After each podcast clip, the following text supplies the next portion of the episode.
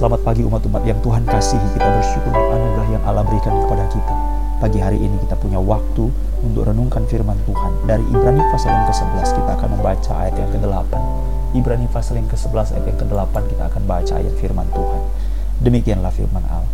Karena iman Abraham taat ketika ia dipanggil untuk berangkat ke negeri yang akan diterimanya menjadi milik pusakanya. Lalu ia berangkat dengan tidak mengetahui tempat yang ia tuju karena iman ia diam di tanah yang dijanjikan itu, seolah-olah di suatu tanah asing, dan di situ ia tinggal di kemah dengan Ishak dan Yakub yang turut menjadi ahli waris janji yang satu itu. Sampai di sini pembacaan kitab suci. Pagi ini kita akan merenungkan tentang seorang tokoh yang bernama Abraham, seorang yang tidak diragukan lagi, seorang yang disebutkan dengan sangat populer dan diketahui sebagai bapak orang beriman. Bagaimana dia bisa menjadi bapak seorang beriman? Dan bagian dalam Ibrani pasal 11 merupakan bagian yang dapat membantu kita, menunjukkan kepada kita dari mana, bagaimana, dan apa. Sehingga Abraham disebut sebagai orang beriman. Abraham bukanlah orang yang lahir sebagai orang yang sudah mengenal Kristus, atau lebih tepatnya mengenal Allah. Dia bukanlah orang yang memiliki suatu keberuntungan seperti kita, karena lahir dari keluarga yang memang orang tuanya barangkali sudah beribadah kepada Tuhan. Tidak, Abraham berada dalam satu pergumulan yang panjang untuk bisa dikasihi dan mengasihi Allah. Ini merupakan suatu pergumulan yang kembali lagi bukan dikerjakan oleh Abraham sebagai manusia, tetapi pemberian Allah. Jadi perlu diingat berulang-ulang bahwa iman itu bukan usaha manusia, tetapi iman itu adalah pemberian Allah. Jadi kalau Allah tidak beranugerah, kalau Allah tidak memberikan kesempatan, kalau Allah tidak memberikan suatu peluang, kalau Allah tidak mengulurkan belas kasihan, kalau Allah tidak memberikan, mengulurkan kemurahannya, sesungguhnya manusia itu tidak mendapatkan satu pengharapan apa pun juga. Jadi kalau kita baca tentang Abraham, maka Abraham memiliki satu titik di mana imannya itu dimulai dari firmannya Tuhan.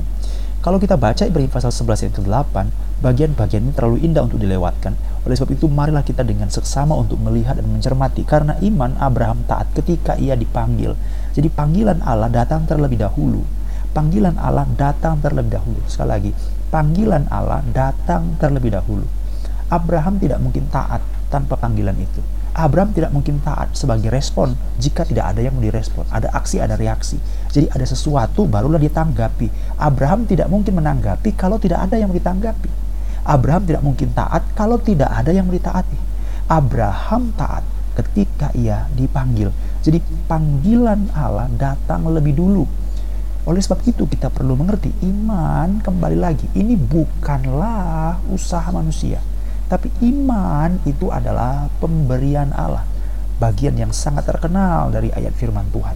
Yaitu dalam Efesus pasal yang kedua yang ke-8. Kita diselamatkan oleh iman. Itu bukan hasil usahamu. Itu bukan pekerjaanmu. Itu bukan perbuatanmu. Itu bukan hasil usahamu. Jangan ada yang memegahkan diri jadi suatu kalimat yang sangat tegas, yang sangat jelas daripada Alkitab yang ditunjukkan kepada kita bahwa iman itu adalah anugerah Allah. Iman itu adalah pekerjaan Allah. Filipi pasal yang kedua ayat yang ke-13. Karena Allah lah yang mengerjakan di dalam kamu. Filipi 2:13. Allah lah yang mengerjakan di dalam kamu baik kemauan maupun pekerjaan menurut kerelaannya.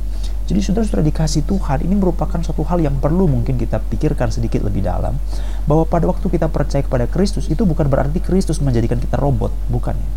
Pada waktu kita percaya Kristus itu bukan berarti Kristus mengambil hak bebas kita, bukan ya. Tetapi Kristus mengubah kita, mengubah kita.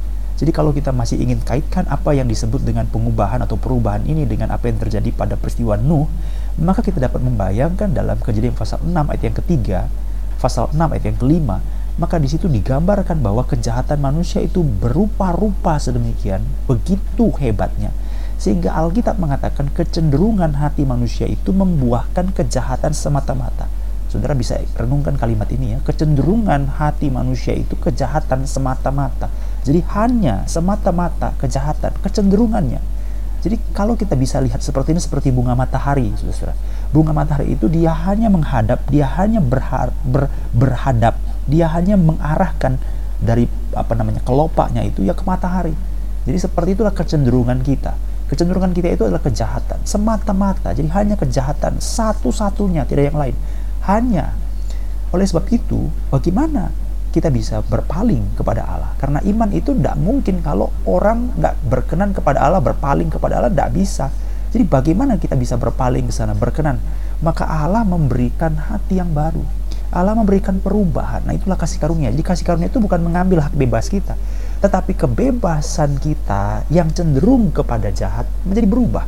Menjadi kecenderungan kepada iman. Menjadi kecenderungan kepada hal rohani menjadi kecenderungan kepada takut akan Allah. Dulu hobi kita itu adalah dosa. Sekarang hobi kita itu adalah kehendak Allah. Dulu hobi kita itu, kesukaan kita itu adalah fasik. Sekarang kesukaan kita itu adalah firman Allah. Dulu hobi kita itu adalah daging, hawa nafsu duniawi. Sekarang hobi kita, kehendak kita, keinginan kita, kerinduan kita itu adalah roh Tuhan. Takluk akan roh kudus. Saudara-saudara, ini yang menjadi suatu hal yang terjadi. Perubahan itulah yang terjadi, saudara-saudara. Jadi pada waktu kita diberi anugerah Allah, itu bukan berarti hak bebas kita dicabut lalu kita jadi robot. Kita dipaksa untuk takut akan Tuhan, kita dipaksa untuk mencintai firman Tuhan, kita dipaksa untuk meng menghidup dalam roh. Enggak ya. Kita bukan seperti itu. Kita akan mati, manusia itu mati. Manusia itu mati. Efesus pasal 2 ayat 1, Efesus pasal 2 ayat 5, kita mati oleh dosa dan pelanggaran. Oleh sebab kita mati, kita buta. 2 Korintus pasal 4 ayat 4 kita dibutakan oleh ilah zaman ini. Kita tidak bisa bereaksi. Kita terbelenggu. Roma pasal 68 kita tidak bisa apa-apa saudara kita sungguh-sungguh menjadi orang yang tanpa harapan. Kita mati. Kecenderungan kita pada jahat. Tetapi Allah memberikan kehidupan. Allah memberikan kasih karunia. Allah mengubahkan hati kita. Sehingga waktu terjadi perubahan itu kecenderungan kita juga berubah orientasi kita berubah itulah seperti doa kita tadi kita berdoa supaya setiap umat-umat Tuhan memiliki spiritual minded memiliki cara berpikir cara pikir, pola pikir, paradigma yang bersifat rohani. Jangan segala sesuatu diukur dengan uang. Jangan segala sesuatu diukur dengan untung dan rugi. Jangan segala sesuatu diukur dengan nafsu duniawi, keinginan daging, indikator dunia, ukuran-ukuran manusia. Jangan. Itu bukan orang percaya. Tetapi kalau kita masih memilikinya, kita masih perlu terus bergumul supaya kita terus dibaharui. Karena begitu kita dihidupkan oleh Roh Kudus, begitu kita dilahirkan kembali, kita menjadi ciptaan yang baru, maka kecenderungan kita berbeda bukan lagi kepada yang lama, bukan lagi kepada yang jahat, tapi kepada yang baru. Jadi itulah yang menjadi berbeda untuk menjawab bahwa pada waktu kita percaya kepada Kristus, itu bukan hak bebas kita diambil, tidak. Atau kita dipaksa seperti robot, tidak. Tapi kesukaan kita, appetite kita, kecenderungan kita itu mulai berganti. Allah memberikan yang indah. Dan itulah yang terjadi pada diri Abraham, saudara-saudara. Abraham menerima panggilan Allah. Dan inilah merupakan titik awal daripada iman yang pertama, iman itu adalah pemberian, kasih karunia Allah. Yang kedua, Alkitab mengatakan bahwa Alkitab memberi jawaban bahwa tidak mungkin orang beriman tanpa firman Tuhan. Itu sebabnya Alkitab mengatakan panggilan. Kalau kita baca dalam Kejadian pasal 12. Kejadian pasal 12 ayat 1. Bagaimana Allah mulai bereaksi dan bagaimana interaksi antara Allah dengan Abraham dan Abraham memberikan respon. Kejadian pasal 12 ayat 1. Berfirmanlah Tuhan kepada Abraham ini kan panggilannya ya. Berfirmanlah Tuhan kepada Abraham. Ini panggilannya. Pergilah dari negerimu. Jadi pada waktu Allah memberikan panggilan itu, Allah panggil pakai apa? Allah panggil dengan firman.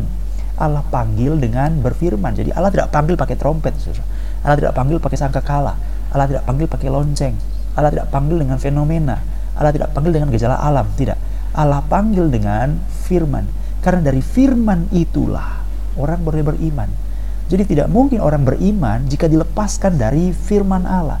Demikian juga kalau kita ingin kaitkan dengan apa yang terjadi dengan Nuh, kita baca pasal 11 ayat 7, Ibrahim pasal 11 ayat 7, oleh iman, karena iman maka Nuh dengan petunjuk Allah. Jadi kembali lagi, interaksi antara Allah dengan umatnya, supaya umatnya beriman, itu selalu diprisit, didahului dengan firman, dengan petunjuk.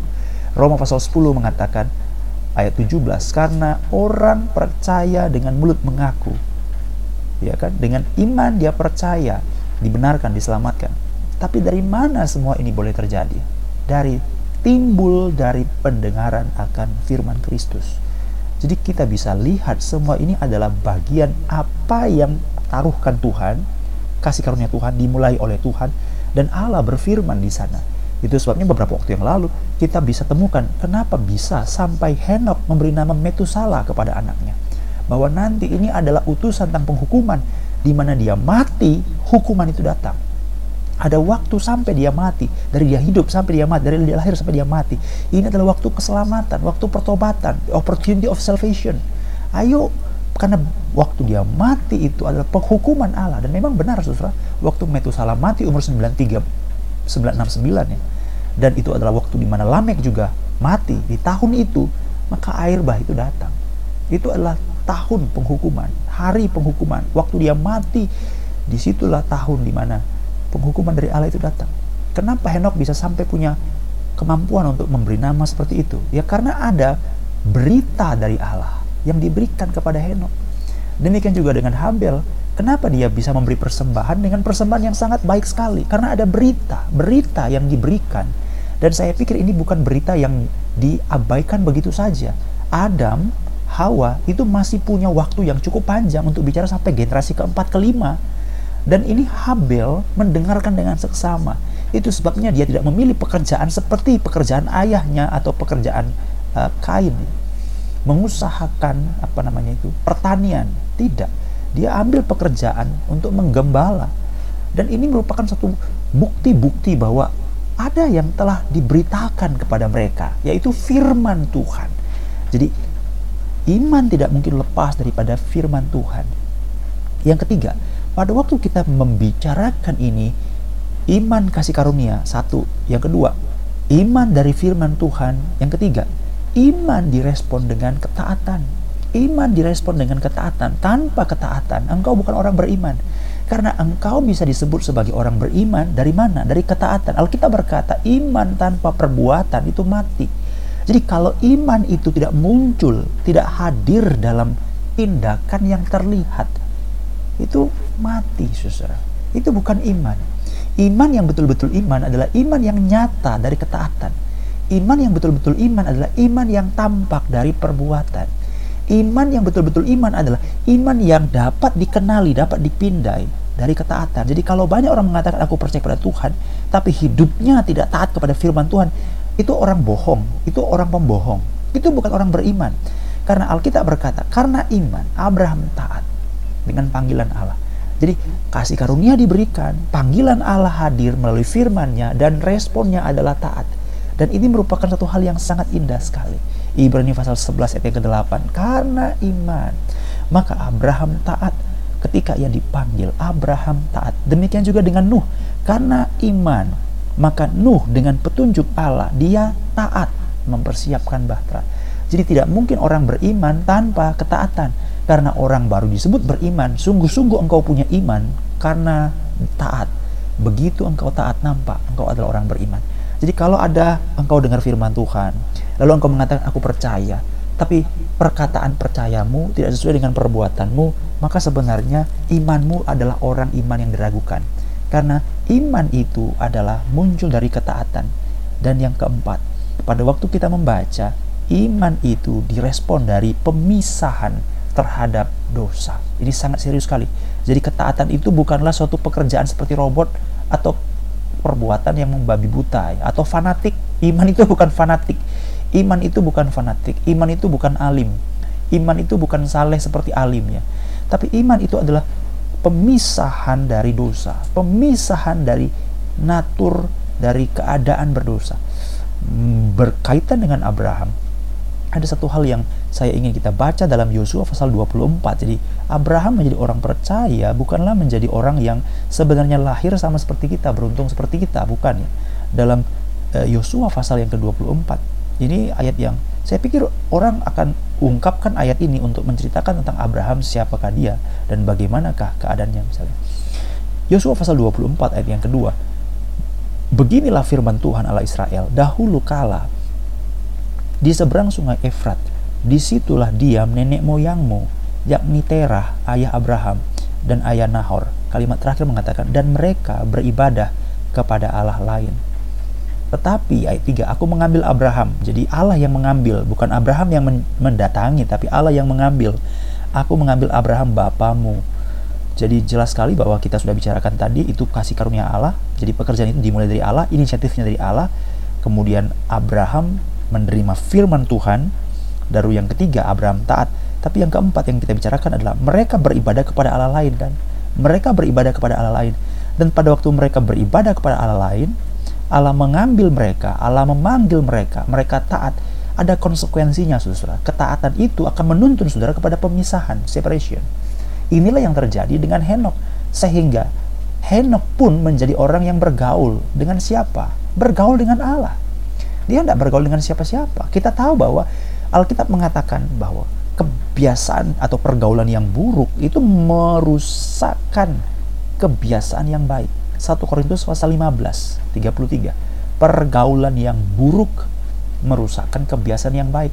Jadi di zaman itu adalah zaman di mana manusia punya kejahatan yang memuncak bertambah-tambah, memuncak bertambah-tambah, memuncak bertambah-tambah.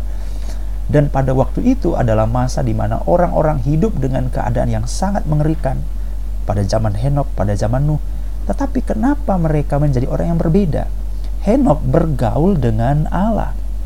Dan kalau kita baca, firman Allah mengatakan Nuh adalah orang yang dia mendapat kasih karunia atau belas kasihan Allah.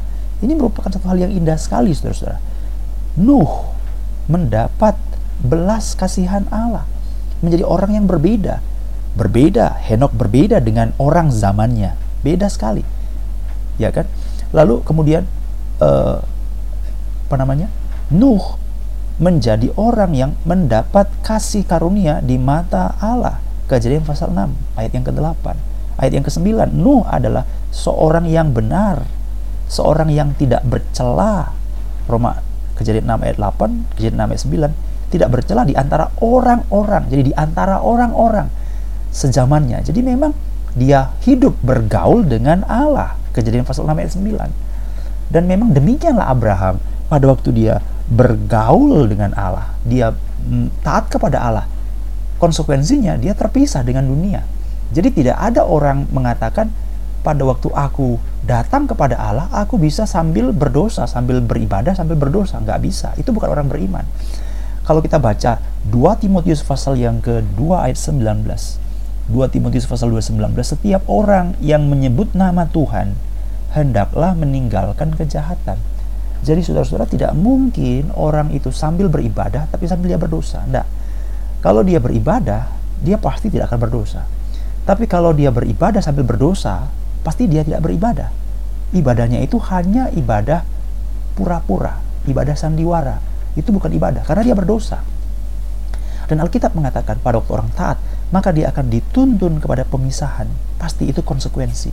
Jadi hal-hal inilah yang terjadi sehingga Abraham menjadi orang yang sungguh disebut beriman. Henok punya satu konsekuensi. Mungkin dia rasa sepi 300 tahun loh bergaul bersama dengan Allah. Habel menjadi berbeda. Karena apa? Dia dibenci. Dia dibenci oleh saudaranya, oleh Kain, pembuat kejahatan itu. Ya, ini merupakan satu hal yang sangat-sangat mengerikan sekali. Ya, orang yang jahat ya. 1 Yohanes pasal yang ketiga ayat yang ke-12. Bukan seperti Kain yang berasal dari si jahat. Dia berasal dari si jahat. Dan apakah sebabnya ia membunuh adiknya Habel itu? Sebab segala perbuatannya jahat. Ayat 13, 1, 1 Yohanes 3 ayat 13. Janganlah kamu heran saudara-saudara apabila dunia membenci kamu. Jadi memang tidak mudah seperti Habel hidup di tengah-tengah kebencian. Tidak mudah seperti Henok di tengah-tengah keadaan dunia bisa bergaul dengan Allah 300 tahun. Tidak mudah seperti Nuh hidup tidak bercela di antara orang sejamannya. Demikian juga tidak mudah bagi Abraham. Waktu dia menerima panggilan Allah, dia harus meninggalkan keluarganya, sanak saudaranya, dan pergi ke tanah yang dijanjikan oleh Allah ke tempat yang akan kutunjukkan kepadamu. Saudara lihat, pergilah dari negerimu, dari sanak saudaramu, dari rumah bapamu, ke negeri yang kutunjukkan kepadamu. Dan iman, ketaatan, ketaatan men meminta demands pemisahan. Berapa banyak kita takut untuk berpisah dari kejahatan. Berapa banyak kita membiarkan diri kita bergaul dengan pergaulan yang buruk kita terlalu takut untuk mengambil langkah yang berani. Karena apa? Kita membiarkan diri kita terus-menerus terekspos, terus-menerus terpapar dengan apa? Dengan keburukan-keburukan, dan kita tidak sadar itu merusak iman kita. Saudara banyak bicara dengan orang yang tidak percaya, imanmu lama-lama engkau menjadi orang tidak percaya. Saudara banyak membaca buku-buku yang tidak bertanggung jawab, imanmu, pikiranmu jadi tidak bertanggung jawab. Saudara terlalu banyak mendengar berita-berita yang sangat mengkhawatirkan, mencemaskan. Perasaan kita menjadi perasaan yang cemas. Demikian adanya. Kalau kita terlalu banyak mendengar tentang berita, khotbah-khotbah kemakmuran, maka kita akan dipimpin untuk menjadi orang yang pikir cuma makmur. Kalau kita hanya mendengarkan kata-kata positif, motivasi-motivasi, maka kita akan memiliki suatu motivasi. Ya, hanya motivasi dan bukan iman. Oleh sebab itu, jangan pernah jauh dari firman Allah. Jangan pernah tinggalkan persekutuan dengan Allah. Ibrani pasal 10, satu pasal sebelum pasal 11. Pasal 10 mengatakan, karena bahaya murtad yang membuat kita bisa hilang. Kita perlu dipelihara. Bagaimana itu? Untuk memastikan, menandakan, mengindikasikan kita adalah orang yang diselamatkan. Supaya kita memiliki keyakinan itu, bagaimana saya bisa Alkitab mengatakan jangan tinggalkan pertemuan-pertemuan ibadah. Karena dalam pertemuan ibadah itu kita saling mengkuatkan, saling mengkokohkan, saling menasihati dan semakin giat melakukannya menjelang hari Tuhan yang mendekat. Jadi biarlah kita mengerti bagaimana Abraham bisa sampai menjadi orang beriman. Dulunya dia penyembah berhala. Yang pertama, karena kasih karunia Allah hadir. Yang kedua, karena dia menerima firman Allah. Yang ketiga, dia taat respon dia taat kepada firman yang dia dengarkan dan keempat ada suatu permintaan konsekuensi yang terjadi akibat dari iman dan ketaatan itu yaitu terpisahnya dia dari dosa terpisahnya dia dari lingkungan yang buruk berpisahnya dia dari segala sesuatu yang membuat dia sangat mungkin untuk jatuh lagi jadi mari ambil langkah iman supaya tinggalkan kejahatan Jangan hadir dalam pergaulan yang buruk. Terus persekutu dengan firman Tuhan. Bangun suatu iklim orang yang bersahabat, yang saling menguatkan dalam Tuhan, yang menasihati firman Allah, bukan nasihat dunia ya, tapi nasihat firman Allah. Bukan motivasi, tapi bicara masalah iman. Bukan kemakmuran, tapi teologi salib, sangkal diri. Itu yang kita harus kejar dan harus doakan. Sehingga hari-hari ini kita menjadi gereja yang dipulihkan oleh Tuhan. Kiranya Tuhan tolong